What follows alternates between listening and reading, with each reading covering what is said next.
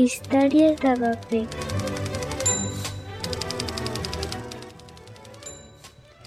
Hola, avui estrenem podcast literari. L'hem anomenat Històries de paper. Avui tot just n'arrenquem el primer capítol, però esperem fer-ne molts més amb la participació de l'alumnat i les famílies de l'escola.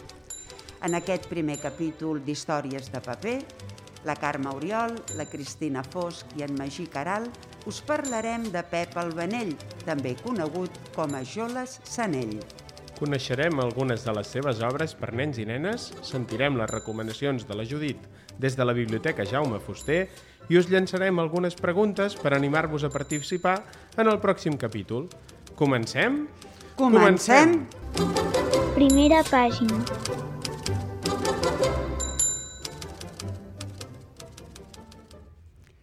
Aquest curs 2020-2021 està força carregat de dates importants. Nosaltres en volem destacar una, el 75è aniversari del naixement de Pep el Benell, o Joles Sanell, com més us agradi. Què vols dir, com més us agradi? Fixeu-vos que quan escriu les seves obres per adults ho fa amb el seu nom real, és a dir, Pep el Benell, i quan escriu per nens i adolescents signa amb el pseudònim de Joles Sanell. Està bé, això. I què ens pots dir d'en Pep el Benell? Doncs Pep Albanell i Tortades és un escriptor català que va néixer a Vic, a la comarca d'Osona, el dia de Nadal de 1945. I després va anar a passar la seva infància i adolescència a la seu d'Urgell, tot i que actualment viu a Barcelona. També us interessarà saber que va començar a estudiar la carrera de periodisme a Madrid, però la va deixar per la de Filosofia i Lletres, que li agradava més, i es va llicenciar per la Universitat de Barcelona. Durant molts anys va treballar en editorials i ha escrit entre llibres de contes, novel·les, àlbums infantils i teatre un bon grapat d'obres. A partir dels anys 70, Pep el Benell comença a guanyar tots els premis més importants que s'otorguen en literatura catalana.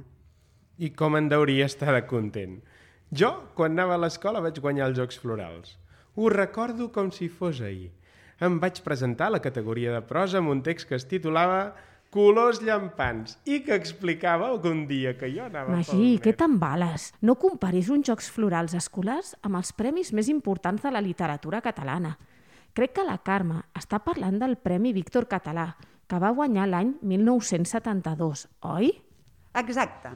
Fixa't quin munt de premis. El 1972 guanyà el Premi Víctor Català per Les parets de l'insomni. El 1974 el Premi Sant Jordi per Pinyol tot salivat. El 1976 el Joaquim Ruïra per el Barcelonauta. El 1978, amb Ventada de morts, s'endú el Premi Crítica Serra d'Or de novel·la. Renoi, amb aquesta empenta deuria seguir escrivint novel·la per adults, no? Doncs no. Curiosament, és llavors quan comença a escriure per nens i nenes. I aleshores passa a anomenar-se Jola Sanell. Correcte. I sota aquest pseudònim torna a escriure un munt de llibres i també obres de teatre. Què et sembla si n'anomenem alguns? I tant, en teniu un munt per escollir. Llegir en Pep el, el Benell és molt entretingut i sovint també és molt, molt divertit. Segur que tots us agradaran força, a més, segur que us faran passar molt bones estones. Mira, jo destacaria les parets de l'insomni, l'estel de colors, dolor de rosa, feines per treballar, el bosc encantat, l'habitant del no-res, història d'una bala... I mira, ara pensant, me n'ha vingut un altre al cap. Quin? L'últim llop de la Cerdanya. Home, i tant! Voleu que us expliqui una anècdota d'aquest llibre? És clar, digues. Doncs resulta que es va publicar l'any 1994 i va tenir tant d'èxit a les comarques pirinenques que se'n va esgotar l'edició. Quin èxit! Vols que te n'expliqui una altra d'anècdota? Bé, més que una anècdota, és una casualitat. Sí, digues. L'últim llop de la Cerdanya. Va sonar a la ràdio de l'escola durant el confinament. La Lourdes, que cada nit ens explicava un conte de bona nit, ens el va gravar. Què us sembla si el posem en acabar el capítol d'avui? Perfecte! Fantàstic! Doncs ho deixem per després perquè ara és l'hora del punt de llibre. El punt de llibre.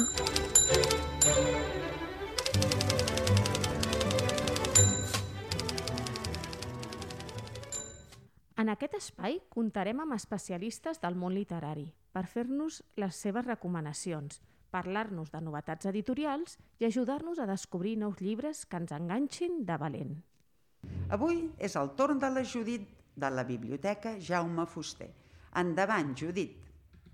Hola, sóc la Judit, de la Biblioteca Jaume Fuster.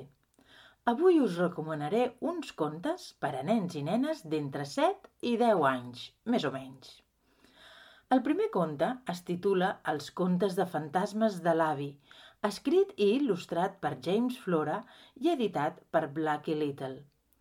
James Flora va néixer fa molt de temps, l'any 1914. Ara tindria 107 anys. A en James, des de petit, li agradava molt la música i el dibuix i quan va ser gran va fundar una revista per poder dibuixar. Però després va descobrir que li agradava molt l'escriptura i es va dedicar a escriure històries tan fantàstiques com aquesta, els contes de fantasmes de l'avi. Al cel es petegaven els trons i la pluja tamborinava contra les finestres. Es va sentir l'udol d'un llop. Un arbre es va desplomar a terra. A fora hi feia una nit de tempesta espantosa. Sort que a casa de l'avi s'hi estava calentó i segur, i a més entretingut amb les seves històries terrorífiques. Que fan por, molta por. Esquelets que surten de sacs, bruixes amb berrugues, aranyes enormes, mans sense cos i fantasmes sense mans i homes llop que tenen molta gana. Un seguit de personatges que et faran passar molta por. Sort que els fantasmes no existeixen. O sí? La segona recomanació es titula El vot del doctor Bombard, escrit per Oriol Canosa, il·lustrat per Jordi Sunyer i editat per Minimini Babolinka. L'Oriol i el Jordi es coneixen des que eren petits, quan encara no sabien llegir. Es van fer amics i encara ho són. Un escriu i l'altre dibuixa. Es van posar d'acord per fer aquest llibre, inspirat en una història real, el vot del doctor Bombard. El doctor Alain Bombard era un metge d'un petit poble de pescadors del nord de França que, cansat de veure com els nàufrags morien perquè no sabien sobreviure al mar, un dia de l'any 1952 es va fer nàufrag voluntari i durant uns mesos es va embarcar en un bot pneumàtic per convèncer els mariners i els pescadors que, malgrat les dificultats, sobreviure a alta mar era possible i calia aprendre a fer-ho. Ho va aconseguir? I la tercera recomanació es titula El tren de les parades sense nom, escrit per Carles Sala i Vila, il·lustrat per Estela de Arenzana i editat per La Galera. Carles Sala és gironí i treballa de mestre, però li encanta fer coses d'artesania i escriure històries per a nois i noies com aquesta. L'Estela d'Arenzana, que ha viscut a Igualada des de petita, li ha donat color amb les seves il·lustracions. Ha treballat per a moltes empreses, però per primera vegada ha treballat per una editorial i ha il·lustrat aquest llibre, El tren de les parades sense nom. La Lia no entén què ha passat. Estava del tot decidida a deixar que el tren se li escapés. Però just a última hora, quan estava a punt d'arrencar, alguna cosa l'empesa a pujar al tren en direcció a Quinta Forca. Un cop dalt, s'ha trobat cara a cara amb un personatge d'allò més inquietant. Comença el viatge i a la primera parada s'adona que algú ha esborrat el rètol de l'estació. El poble no té nom i quan baixa per preguntar-ho, ningú no se'n recorda. Podrà la Lia resoldre el misteri? Doncs ja ho heu sentit. Quines tres propostes ens ha fet la Judit? Jo no sabria per quina començar. Potser pels contes de fantasmes de l'avi? El vot del doctor Bombard? O potser el tren de les parades sense nom? Doncs jo agafaria el carnet de la biblioteca i sortiria corrents cap a la Jaume Fuster per demanar-los tots tres en préstec. M'encanta que ho diguis, perquè precisament d'això va al peu de pàgina d'avui. A peu de pàgina.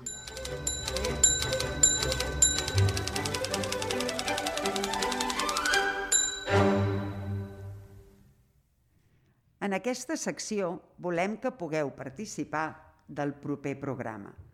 Per fer-ho, us llançarem tres preguntes perquè les pugueu respondre amb una nota de veu, que podeu enviar a ràdio arroba. Avui us preguntem, aviam, us agrada llegir? Quin llibre esteu llegint actualment? Per què llegiu? I amb el peu de pàgina arribem al final del nostre primer Històries de paper.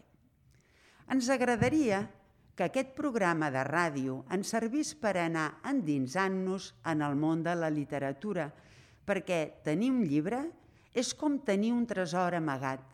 Us animem a fer que llegiu i segur que no us avorrireu mai. I ja marxem, però tal com hem promès abans, us deixem amb l'últim llop de la Cerdanya, escrit per Jola Sanell i explicat per la Lourdes Fargas. Txt, escolteu, escolteu. L'últim llop de la Cerdanya.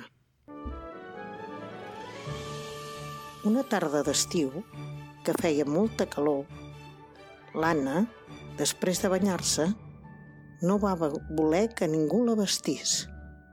Es va posar el barnús, va fer un farcell amb la roba i se'n va anar a fer un tomb per Puigcerdà. En arribar a l'estany, va saludar els seus amics, els signes, però com que tenia ganes de caminar, no s'hi va entretenir i va tirar carretera enllà. I va arribar a un bosquet. Era un bosquet petit que hi havia a les afores de la vila.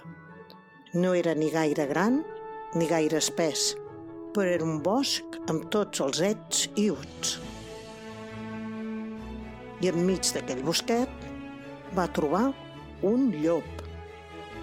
L'únic llop que l'Anna havia vist era el dels dibuixos del conte de la caputxeta vermella que tenia a casa. És a dir, que no havia vist mai un llop de veritat. Però l'Anna no es va espantar gaire, ja que aquell llop semblava força el gos de l'estanc del carrer Major.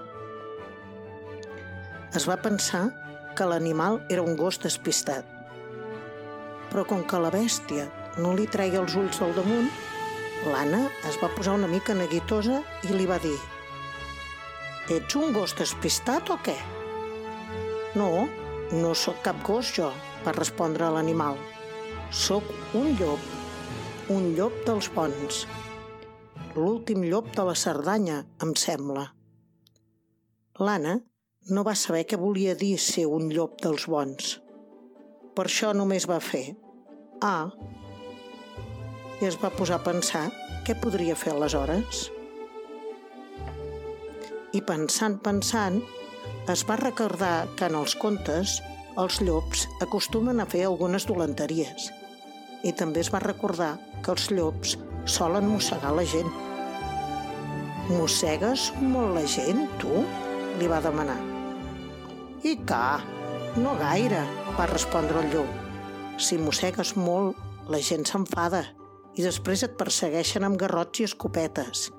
I per poc que et distreguis, pataplam, ja t'han garrotada o un mal tret. Jo m'estimo més viure tranquil sense amoïnar. Visc en aquest bosquet, no destorbo ningú i ningú no em destorba a mi. Oi que ho entens? Sí que ho entenc, va contestar l'Anna. El llop i la nena es van quedar mirant-se una estona sense dir res. A la fi, el llop va treure la llengua i es va llapar el morro. Que potser tens gana? va demanar l'Anna. No, m'agrada llapar-me el morro, respondre el llop. Com és que portes aquest vestit tan estrany? No és un vestit, és un barnús. I com és que vas amb barnús pel carrer? És que quan he sortit de casa acabava de banyar-me i em feia mandra que em vestissin. I com que sóc tan petita que encara no em sé vestir sola, duc la roba en aquest farcell. El llop va tornar a llapar-se el morro. De fet, feia això sempre que pensava una mica. I va dir, passa'm la roba, t'ajudaré jo. I així l'Anna es va poder vestir. En acabat, va dir, encara m'hauries d'ajudar en una altra cosa. Aquestes criatures, va exclamar-se el llop, no paren mai de demanar. Què és el que vols ara? Doncs voldria que m'ensenyessis el camí de tornar de casa meva, que m'he perdut i no sé on sóc. On vius? Al carrer major. Aquí ho posa tot. L'Anna li va ensenyar una medalla que duia penjada al coll on hi havia gravats el seu nom, l'adreça de casa seva i el telèfon. Apa, que has tingut sort que sé llegir, va dir el llop. La majoria de llops no en saben de llegir. Jo sí, perquè vaig estar una temporadeta al zoo de Barcelona i tenia la gàbia a la vora d'un lloro que sabia molt de lletra i me'n va ensenyar. Si t'arribes a trobar un, amb un llop que no sabés de lletra, ja m'explicaràs com t'ho hauries fet ara. Si m'hagués trobat un altre llop, potser m'hauria hagut de fer un tip de córrer, si era dels que surten en els contes i mosseguen la gent. Però això no podia passar de cap manera, perquè si tu dius que ets l'últim llop de la comarca, no hi deu haver cap altre llop més que tu. Això sí que és veritat, va reconèixer el llop.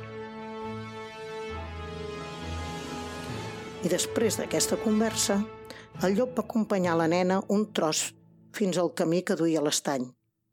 No va acompanyar-la més perquè era perillós per a ell acostar-se massa als carrers de les viles i els pobles. Quan passis per l'estany, dona records als signes, va dir a tall de comiat el llop. Les nits d'hivern, quan fa tant de fred que la gent no vol sortir de casa, baixo a visitar-los i ens hem fet amics – el saludaré de part teva, va dir l'Anna, i alçant-se de puntetes li va fer un petó a la punta del morro. El llop va quedar d'allò més emocionat i va estar molta estona fent-li adeu amb la pota, fins que la nena va desaparèixer de la seva vista. Quan l'Anna va arribar a casa seva, tothom estava amoïnadíssim. Havien avisat fins i tot a la Guàrdia Municipal – on eres? va demanar molt seriós el seu pare. Coneixent gent nova, va respondre la nena. I qui has conegut? Un llop molt simpàtic que, a més de no mossegar, sap llegir, va respondre aleshores ella.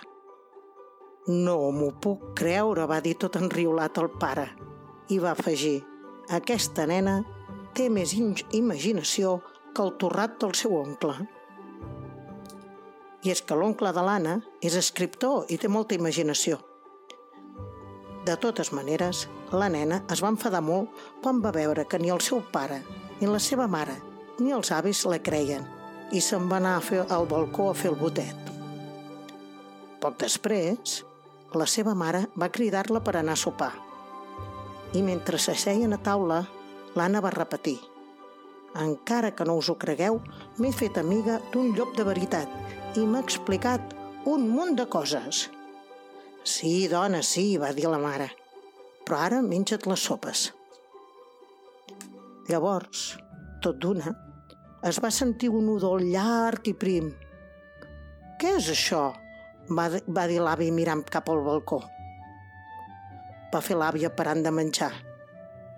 Fa molts anys que no se sentia l'udol d'un llop per la Cerdanya.